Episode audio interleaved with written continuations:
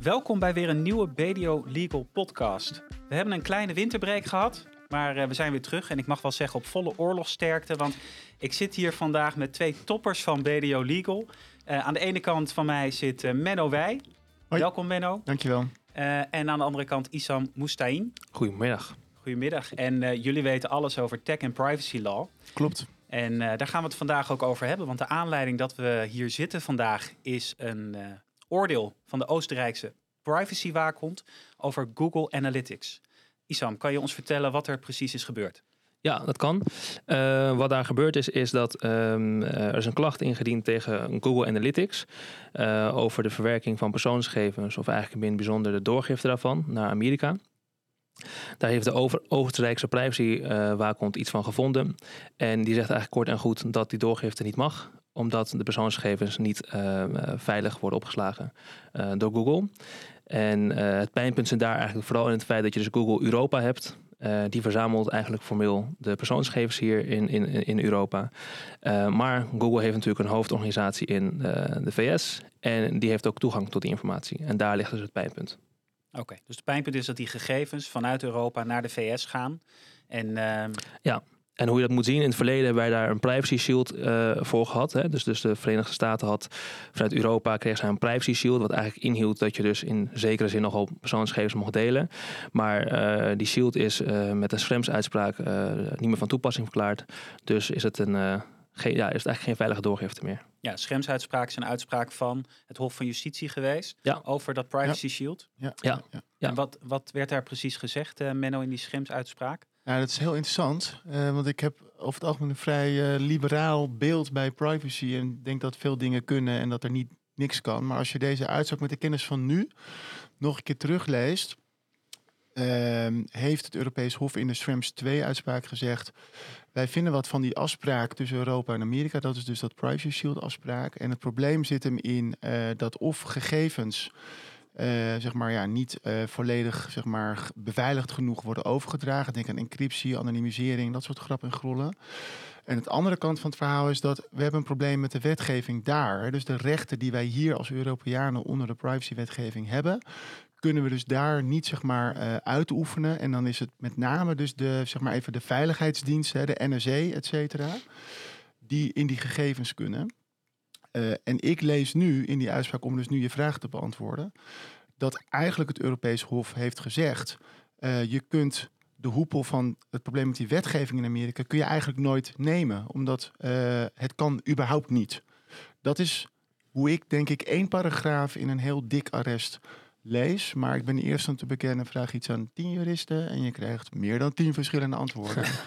uh, maar dat is het probleem. En het is inmiddels niet meer één uitspraak. Hè? Dus um, het Europees Parlement is door zeg maar, de privacy-waakhond die waakt over privacy door Europese instellingen. Dus dat is de European Data Protection Supervisory, of Supervisor, pardon. Die heeft tegen het Europees Parlement ook gezegd: je mag niet Google Analytics gebruiken om exact de redenen die Isam zegt. En uh, recent is ook bekend geworden dat de Noorse waakhond dit ook heeft beslist. Uh, en de context is, uh, Schrems is dus de naam van zeg maar even een uh, privacy, hoe zullen we zeggen, revolutionair of een ja. privacy activist. Ja. Die heeft een vehikel None of Your Business. Die heeft in heel Europa 101 klachten ingediend rondom het gebruik van Google Analytics. Dus dit gaat nu allemaal komen en Nederland komt dus ook.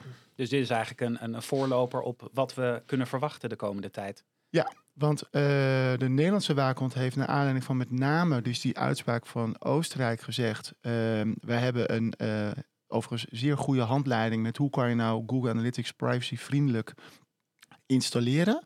Maar er staat nu een dikke disclaimer boven. Pas op, hè, dit mag misschien binnenkort niet meer. ook wij doen binnenkort Verwachting is februari, dus uitspraak over een klacht in Nederland. Ja, en mijn inschatting is, kijk even naar jou Isa, maar mijn inschatting is dat ook de Nederlandse waakhond de lijn gaat volgen met zoals het nu gebeurt, kan het niet. Ja, dus eigenlijk zeg je er zijn onvoldoende waarborgen in de wet en regelgeving in Amerika. Dat is de reden dat er wordt gezegd, je mag dat niet zomaar naar Amerika sturen, die gegevens. Even heel kort samengevat. Ja, dat is, ja. Ja, nou ja, uh, ja. Oké, okay. mm -hmm. Oké. En Isam, um, Als we het hebben over Google Analytics, is dat iets wat door veel bedrijven wordt gebruikt? Ja, je zou, je zou denken van wel. Kijk, Google is natuurlijk geen kleine jongen. En eh, het mooie van Google is dat Google een soort van ecosystem uh, heeft. En dat zie je met veel uh, partijen. Apple heeft dat, Samsung heeft dat. Dus once you go Google, you never go niet Google, zeg maar. Dus um, het is heel makkelijk om als bedrijf gebruik te maken van een, een, een, Google ecosystem. En onder andere dus Google Analytics. En eigenlijk wat Google Analytics doet is... Um, Google Analytics die trekt uh, of traceert of die, maakt, uh, die brengt in beeld wat jouw bezoekersgedrag doet. Hè? Dus de bezoekers van jouw website, daar kan je heel prima zien hoe dat gaat, hoe lang iemand een artikel leest, hoe lang iemand op een website zit en hoe iemand op jouw website komt. Dat is natuurlijk waardevolle informatie voor een onderneming. Um, dus ja, je zou kunnen denken, is de impact groot? Ja. of er genoeg alternatieven zijn, durf ik zelf niet te zeggen. Misschien dat Menno dat uh, paraat heeft.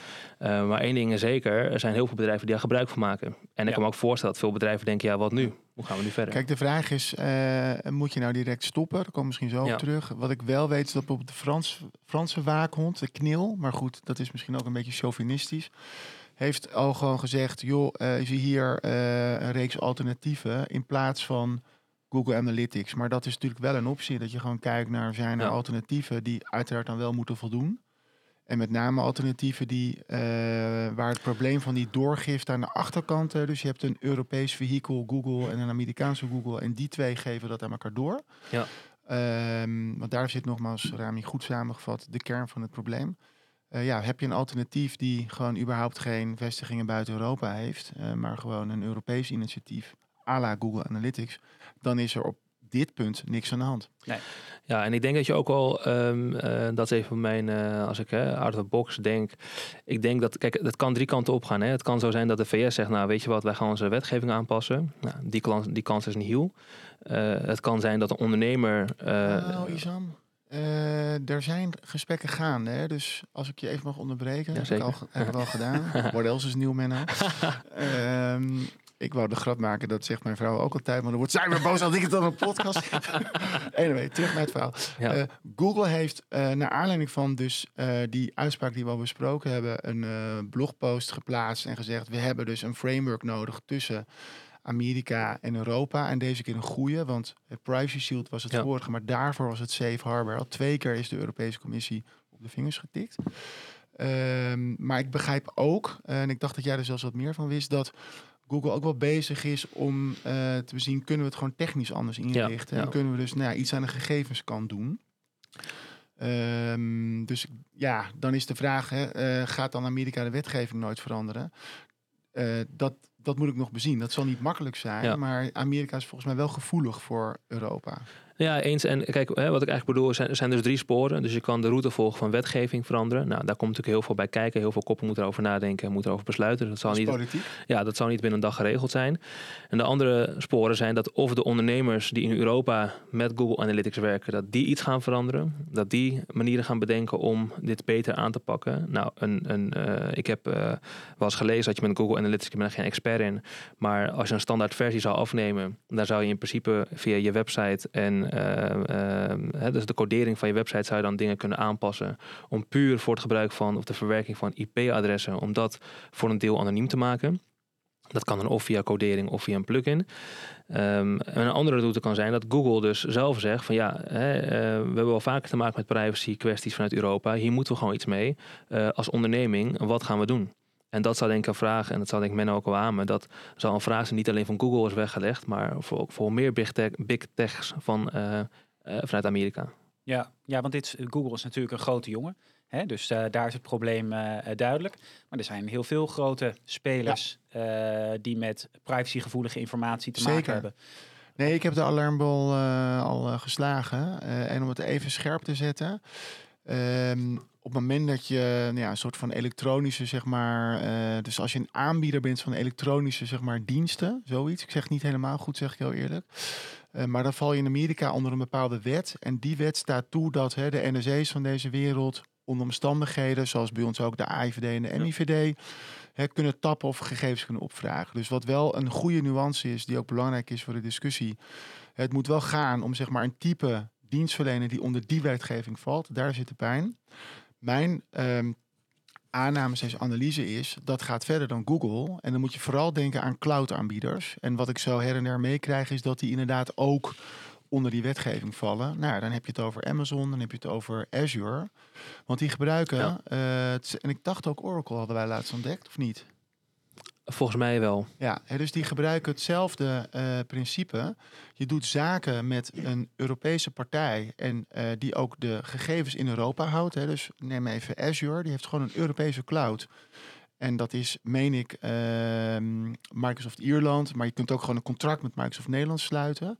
Dus dan zou je denken, het is helemaal geen bal aan de hand. Maar Microsoft heeft in haar eigen afspraken, dus de Europese Microsoft met de Amerikaan, gebruiken zij eh, de zogenaamde standard contractual clauses. Dat is een middel voor die doorgifte waar ook ter wereld.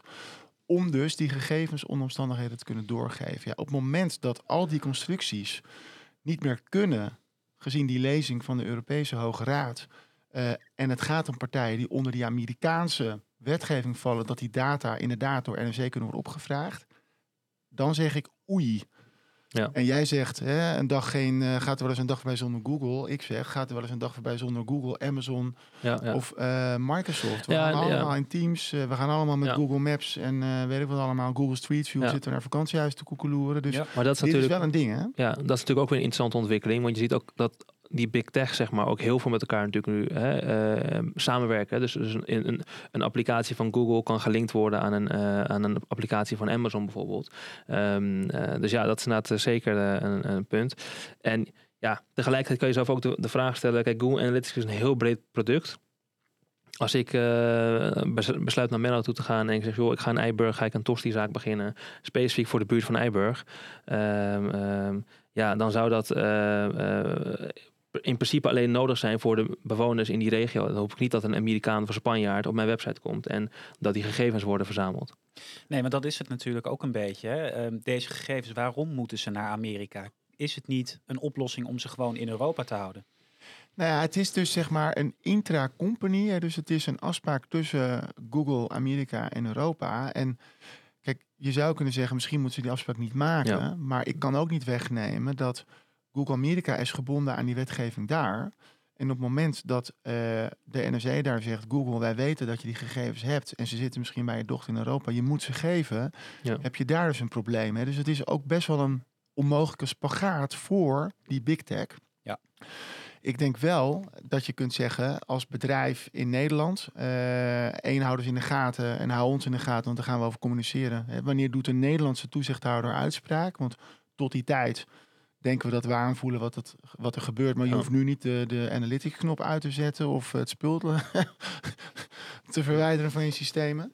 Ehm, We zitten nog niet in paniekmodus. Nee, nee, kijk, ik zeg wel, je moet, je moet het echt breder trekken dan SEC, Google Analytics. En daar moet je over nadenken. Maar voor de time being heeft nog niemand de rest verboden. En in Nederland is Analytics ook nog niet verboden door de waakhond. En wellicht, en dat is eh, wat ik in een blogje heb ge, eh, geopperd, gaat eh, onze privacywaakhond een stap verder. Omdat het voordeel is dat ze wat later zijn, Ja. voortschrijdend inzicht. En dat ze dus met de nuance komen waar ondernemers wat aan hebben. Want nu weet eigenlijk niemand waar die aan toe is. Ik ben ervan overtuigd dat wij collega's hebben die het ook niet met ons eens zijn. Hè, wat wij hier pretenderen. Dan krijg je weer dat alle juristen over elkaar heen vallen. Eh, maar je moet er als ondernemer wel iets mee. En daar ligt natuurlijk nu het probleem. Maar Ja. het is uiteindelijk, vind ik, een geopolitiek ding. Ja, wat dus lastig op te lossen is. Je geeft aan, de big tech hebben er zelf ook belang bij dat dat gewoon gelijk getrokken wordt. Ja. Omdat zij ja, met het probleem worden geconfronteerd. Uiteindelijk ligt het nu dan bij de ondernemer die gebruik maakt, bijvoorbeeld van Google Analytics Ja. of iets anders wat daarop lijkt. Als je nou toch een tip zou moeten meegeven aan die ondernemer. We hebben gezegd van je hoeft niet in de paniekmodus te Nee. schieten, maar wat zou je nu als ondernemer moeten doen? Een paar dingen. Ik zou voor nu eh, niet meteen inderdaad alles uitzetten. Ehm, maar denk wel na over waarom gebruik ik Google Analytics en heb ik het nou echt nodig? Hè? Dat, het is informatie die iets over je klanten, over je bezoekers zegt. Eh, en dat is natuurlijk data, dat is nieuwe goud, huidige goud. Maar met jouw voorbeeld van dat Tosti-bedrijf hè, is het misschien wat minder relevant. En als je gewoon echt een internetspeler bent of hè, het zit eh, allemaal in apps ingebakken, voor zover dat kan. Dus denk na over waarom gebruik ik het. Twee, ja, ik zou wel zeggen, anticipeer op de situatie dat analytics niet meer mag. Nou, dan moet je daar dus naar handelen. En zeg ik, eh, zolang er geen aanwijzing ligt van een waakhond dan ook, of een nieuwe afspraak op Europees niveau, dan maar uitzetten en heb je een alternatief of kan je een tijdje zonder. Maar kijk vooral ook, wat heb ik in mijn organisatie nog meer aan IT van dus eh, met name dus de big tech. Ehm, eh, dus dat zijn Amerikanen, maar in alle eerlijkheid, dit geldt ook voor als je Chinese spulletjes gebruikt en het gaat naar China. Eh, die staan ook daadwerkelijk op de zwarte lijst, dat mag niet. Uh, dus denk ik inderdaad aan, doe je iets met Azure, doe je iets met uh, Amazon. Doe je dat niet zelf, dan kan het natuurlijk heel goed zijn dat je uh, nou ja, een softwareproduct gebruikt van een aanbieder die zelf aan de achterkant ja. dat doet. Dus met name neem je SaaS-diensten van IT'ers af. Hebben die bedrijven, doen die dit zelf direct à la Google en Microsoft, dan wel hebben zij aan de achterkant een deal met Microsoft, Amazon of Google. En gaat het op die manier buiten Europa. Ja, dan zou ik dat wel inventariseren. Um, en ik denk dat dat het eerste begin is. En dan hopen we, Europa, Nederland, dat elders of ergens in Europa de oplossingen wel gaan komen. Um, en dan zal er in de hoek van papierwerk of analyses, hè, dat noemen ze nu ook al een data transfer impact assessment met een mooi woord. Zo, kijk eens. Uh, is natuurlijk een lawyer's paradise en een consultant's paradise. Hè, maar uh, daar dus enigszins op voorbereid zijn. En dan moeten we echt afwachten met wat uiteindelijk de lijn gaat worden. Ja, dus kijken hoe het bij jou geregeld is en waakzaam blijven op ontwikkelingen. Juist. Ja, misschien eh, in het verlengde wat Menno zegt, ben ik heel met hem eens. Ik denk dat vooral naar het stukje bewustwording is. Dat je weet, hè, uh, nou, ik heb een businessmodel, dat kan inderdaad volledig software zijn of voor een deel. Nou, weet inderdaad, um, het is goed om te weten wat je gebruikt. En inderdaad, wat Menno zegt, waarom je het gebruikt. En ik zou ook willen aanvullen ook wat, wat, wat de impact is. Want stel je voor dat je dus wel uh, alles hebt ingecalculeerd op een heel ecosystem. En je moet het gaan omzetten. Ja, dan, heb je, dan ben je wel bezig, wil je dat gaan, gaan veranderen. Dus ik denk inderdaad dat stukje bewustwording echt wel um, uh, voor ja. nu de tip zou zijn. Ja, ja. Een interessant haakje. Vanochtend in de auto naar kantoor uh, hoorde ik iets over dat, nou ja, kennelijk als je crypto's niet hebt opgegeven aan de belastingdiensten, er komt wetgeving en dan heb je een probleem. En toen zei ook uh, die BNR-reporter, dat wordt natuurlijk uh, gepusht vanuit ook allerlei advieskantoren. Je ja. kunt niet over een paar maanden zeggen, dat wist ik niet. Ja. En dat speelt hier denk ik ook. Ja. Dus die awareness. En twee, ik zeg het niet vanuit, uh, nou dan moet u ons bellen en is er business voor ons. Ik zeg het niet vanuit een risico van een boete van de toezichthouder. Waar je even moet nadenken is, ik beschik kennelijk over data van mijn klanten, van misschien wel mijn personeel. En heb ik dat goed geregeld? Het gaat hier om vertrouwen, om trust. Ja. En daarmee dus ook om jouw reputatie. En dat je als ondernemer wakker moeten houden. Ja, als ik ja. hier een probleem blijkt te hebben en ik zat onder een steen, kom je daar dus niet meer weg. En is dus, uh, nou, vertrouwen komt te voet, gaat te paard. Dat is eigenlijk mijn, mijn take, mijn ja, waarschuwing, mijn tip aan ondernemers. Uh, denk hieraan. Je wil niet dat jij op deze manier aan de krant komt te staan. Dat is wat je niet wil. Ja. Nou, dat is denk ik een uh, hele duidelijke en mooie tip om mee af te sluiten, Menno. Wil ik jou samen met Isam uh, bedanken voor jullie toelichting op dit onderwerp. Graag gedaan. Ik denk dat we echt wel een interessant gesprek erover hebben gevoerd en de luisteraars wat uh, wijzer hebben gemaakt. Maar ook dank aan jou, hè? want jij, zit hier, zeggen, ja. jij, ja. jij laat ons shinen en praten. ja. dat, hè, wij zijn toppers, hoorde ik. Heb ik onthouden voor mijn dossier.